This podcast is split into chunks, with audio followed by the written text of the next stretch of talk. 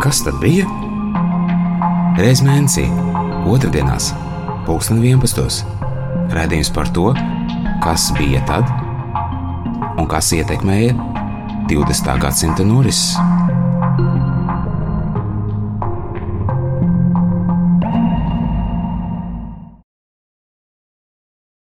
Labdien! Esat sveicināti raidījuma sērijas, kas tad bija otrajā raidījumā. Un studijā šodien ar jums ir Ainārs Lerhis, Latvijas Universitātes vēstures institūta vadošais pētnieks un Latvijas okupācijas muzeja publiskās vēstures nodaļas pētnieks, vēstures doktors.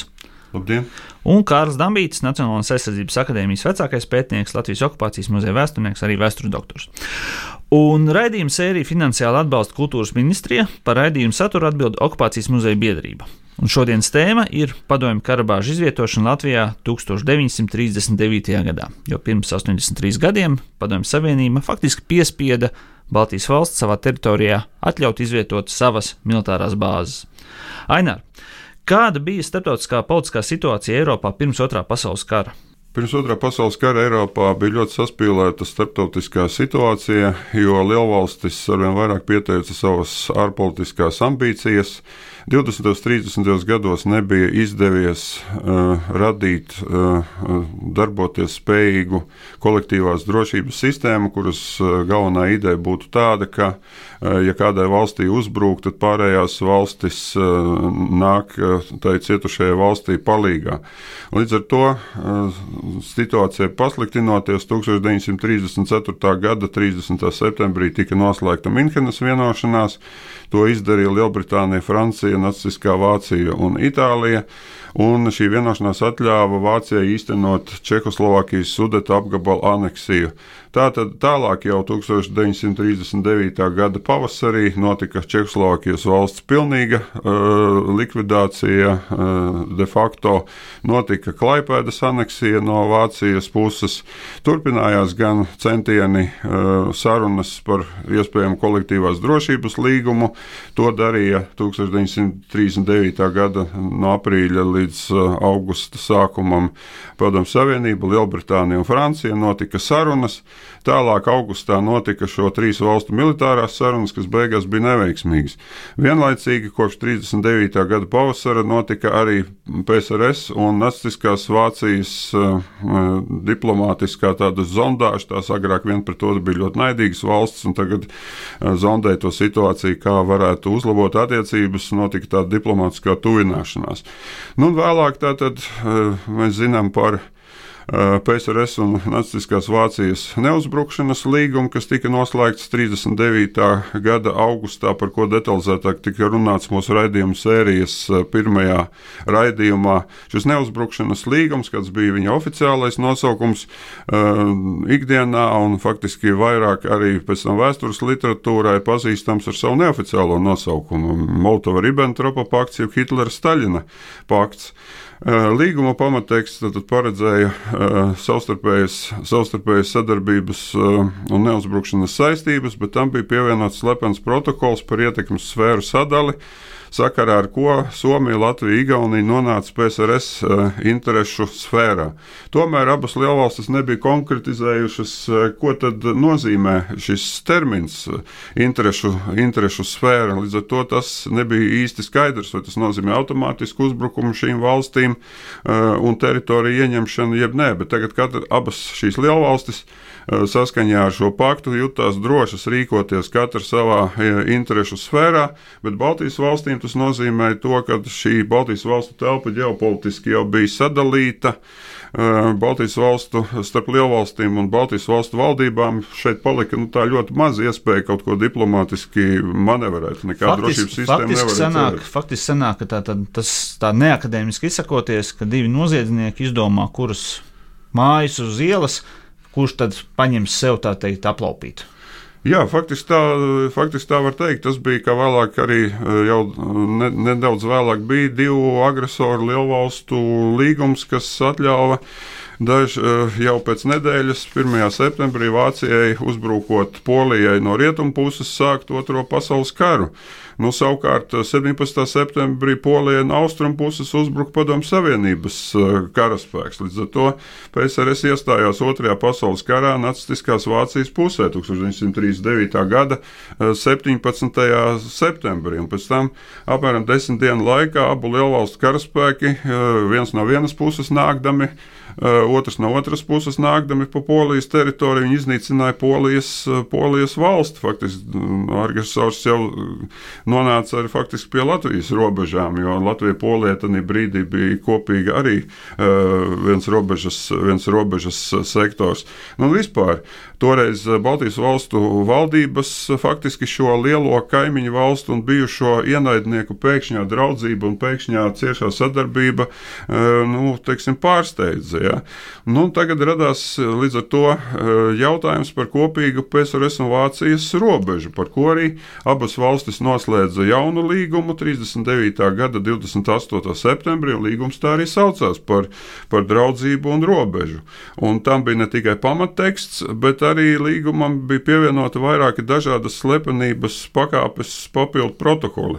Saskaņā ar vienu no tiem PSRS interešu sfērā nonāca arī Lietuva. Tagad jau tātad visas Baltijas valstis nonāk PSRS interešu sfērā. Nu, tika pieņemts arī protokols, kas vēlāk izraisīja Baltijas vāciešu izceļošanu no Latvijas un Igaunijas 1939. Eh, gada rudenī.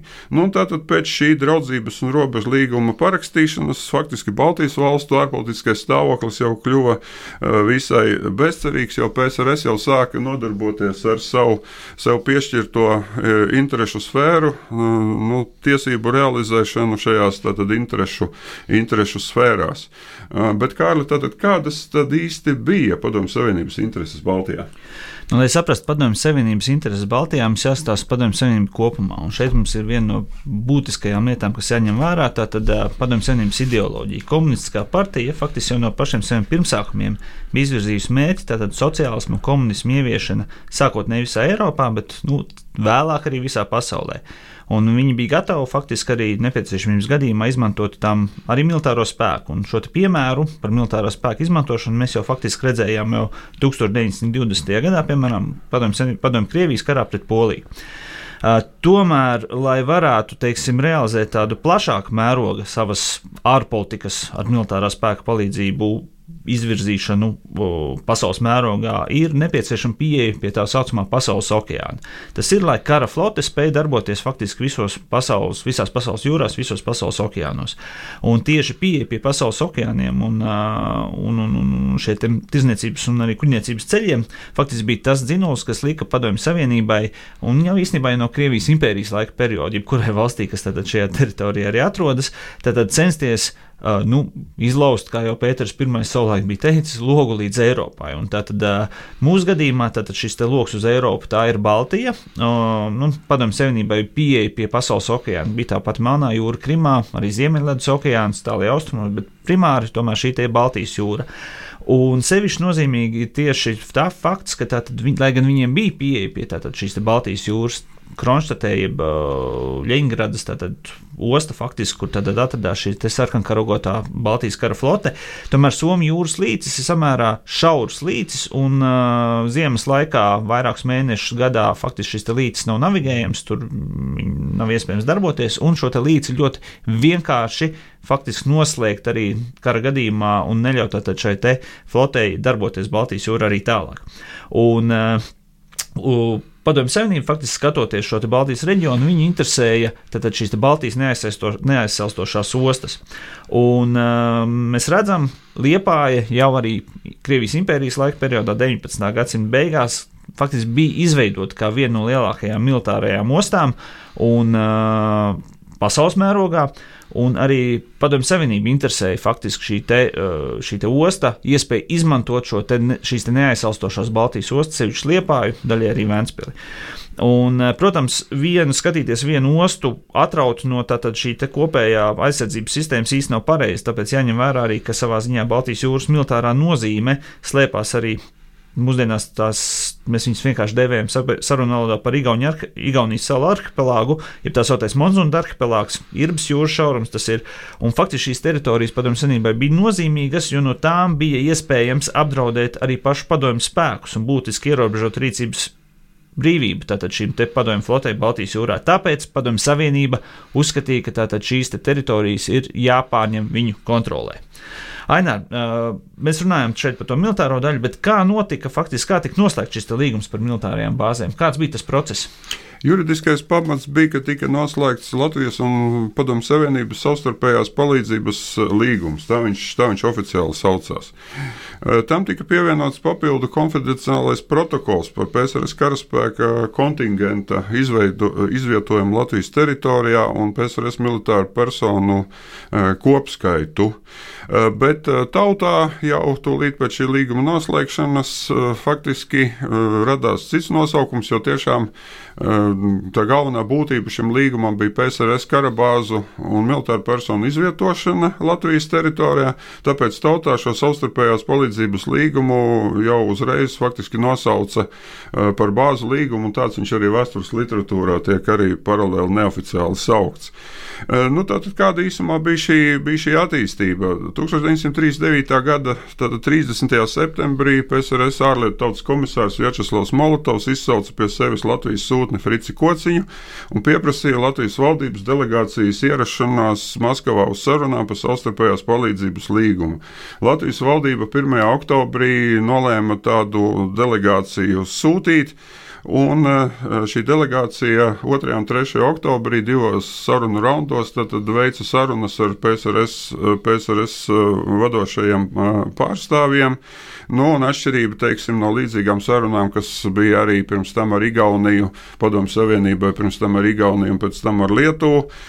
Latvijas ārlietu ministra Vilhelma Muntera pilvaras bija, bija, bija diezgan lielas, konsultējās tikai ar, telefoniski, un Latvijas delegācija sarunu starplaikā neatgriezās mājās uz konsultācijām eh, ar, ar, ar, ar, ar valdību. Nu, tā tad eh, PSRS sarunu laikā izteica ultimātu eh, Latvijai, ka tai jāpiekrīt izvietot PSRS Barbosa Ultimāta noraidīšanas gadījumā tika izteikti draudi, ka PSRS spērs atbildīgus soļus, tad, respektīvi, ar to jāsaprot iebrukums Latvijā. Staļins jau faktiski atklāti deklarēja, ka PSRS varētu jau tūlīt okupēt Latviju, bet to eh, tanī brīdī nedara. Nu, šāda, teiksim, padomjas spiediena rezultātā 5. oktobrī tika noslēgts Latvijas un PSRS savstarpējās palīdzības līgums uz desmit gadiem. Nu, Latvijas valdība tajā brīdī cerēja, ka varēs pieciest kaut kādu uh, ierobežotu neatkarību. Tas bija skaidrs, ka līgums faktiski ierobežo Latvijas suverenitāti, jo ārvalstu karaspēks ir iekšā. Ja? Nu, tā tad, bet, nu, kad varēs pieciest šo ierobežoto neatkarību līdz otrā pasaules kara beigām, nu, tad līgumā bija noteikts, ka Latvijas republika nolūkā nodrošināt PSRS drošību un savu drošību, ja? nu, piešķir padomu savienībai ties, tiesības turēt Liepājas Ventspils pilsētās kara flotas bāzes, dažas aerodromus un vēl vairākas bāzes. Nu, Nu, tā tad kopumā jāsaka, ka PSRS ar ultimatīvu iebrukuma draudu palīdzību piespieda trīs Baltijas valsts noslēgt ar to ļoti līdzīgas savstarpējās palīdzības līgumus. 28. septembrī ar Igauniju, 5. oktobrī ar Latviju un vēlāk 10. oktobrī ar Lietuvu. Nu, un, tas tika piedāvāts šādas sarunas veikt un līgumu noslēgt arī Somijai, kur atteicās to darīt. Nu, līdz ar to 39. gada 3. oktobrī PSRS karaspēks vienkārši uzbruka Somijai un sākās sākās ziemas karš. Bet ko šis līgums, Kārli, tātad, nu, kopumā nozīmē, skatoties no Latvijas aizsardzības viedokļa? Uh, nu, mums jāsaprot, ka Latvijas armijas lielums 1939. gada septembra sākumā bija 20,000 vīru, bet sākoties karam, tika Latvijā veikta, nu, sauksim to par slēptu mobilizāciju, faktiski tika iesaukt rezervisti, un Latvijas armija tika palielināta līdz 30,000 karavīru lielam karaspēkam. Un uh, šajā brīdī, kad tātad notiek šīs sarunas par uh, šo bāzi izvietošanu, tad sākotnēji padomju pusi pieprasa Latvijai savā teritorijā ielaist aptuveni 50,000 padomju karavīru lielu šo kontingentu. Sarunu gaitā gan tas tika samazināts līdz 25,000, taču reāli Latvijā arī ieradās un arī pēc tam uzturējās vidēji 22, 23 tūkstoši padomju karavīru. Tiesa, jāņem vērā, ka šajā skaitā netiek iekļauta kara flote un tās atbalsta personāls, kas tiek lēsts apmēram 5 līdz 7 tūkstoši karavīru. Tāpat netika ņemts vērā arī bāžu atbalsta personāls, celtnieki, kas arī faktiski netika iekļauts te bāžu līgumā, bet padomju savienība pieprasīja atļaut iebraukt Latvijas teritorijā šiem te, šim te personālam. Un tāpat arī komandējošā sastāv ģimenes ar bērniem.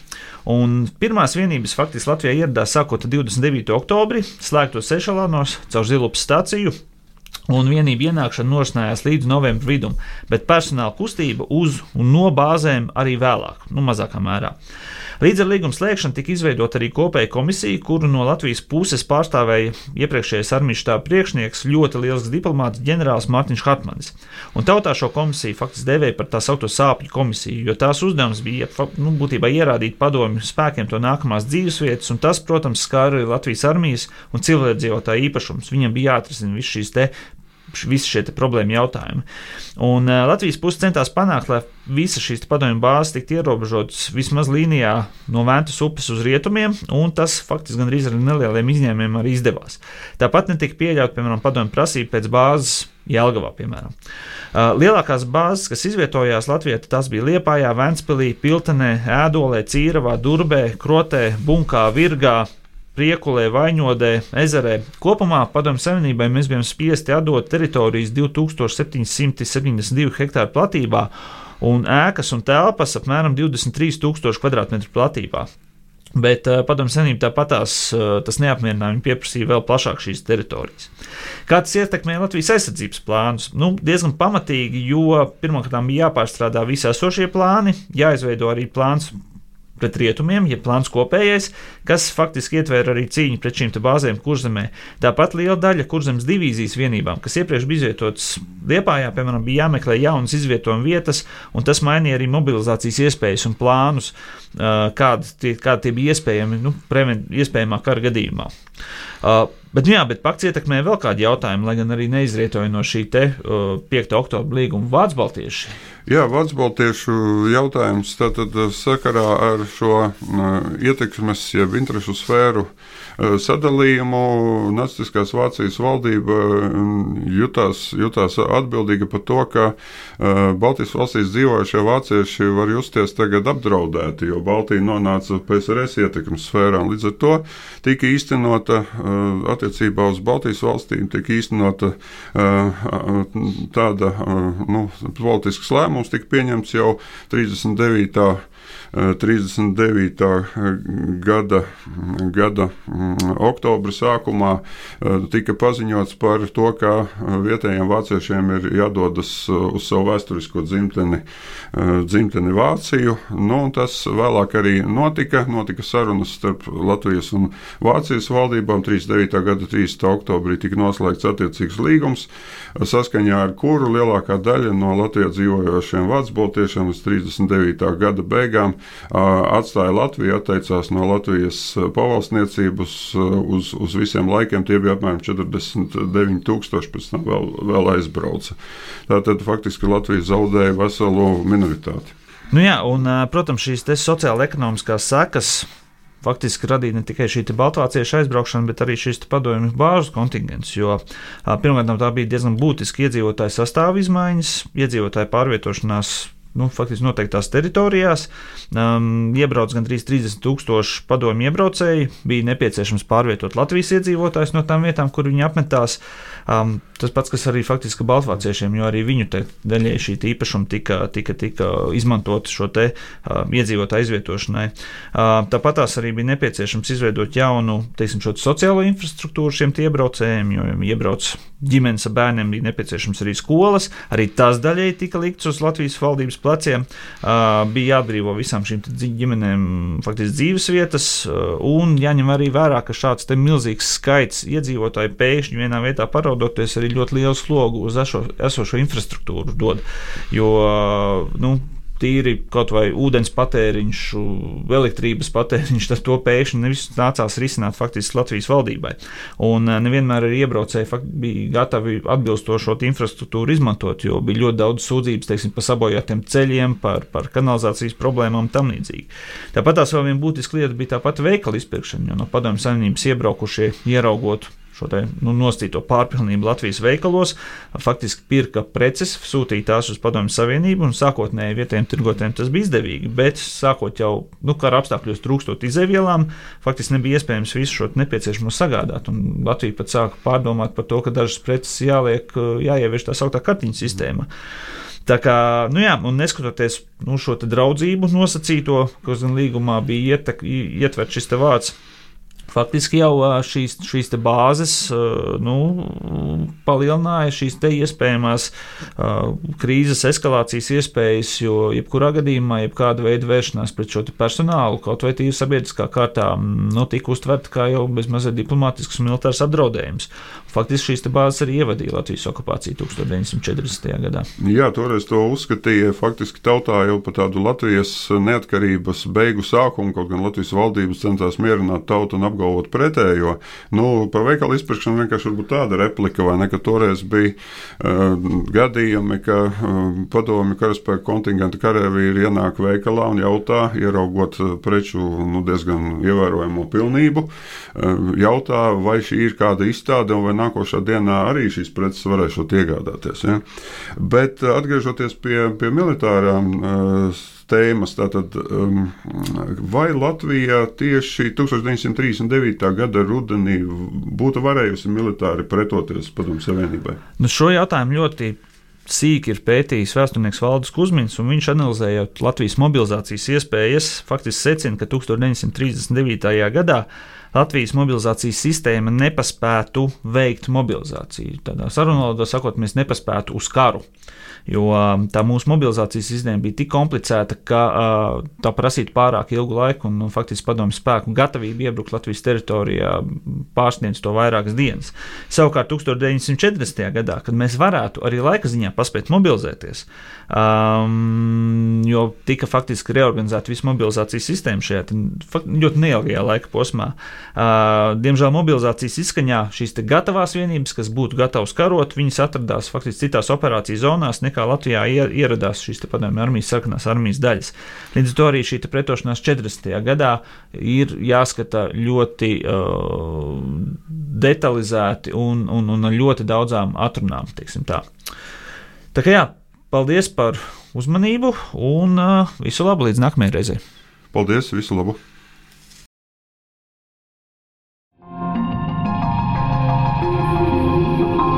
Kas tad bija? Reiz mēnesī, otrdienās, pulksten 11. Radījums par to, kas bija tad un kas ietekmēja 20. gadsimta norises.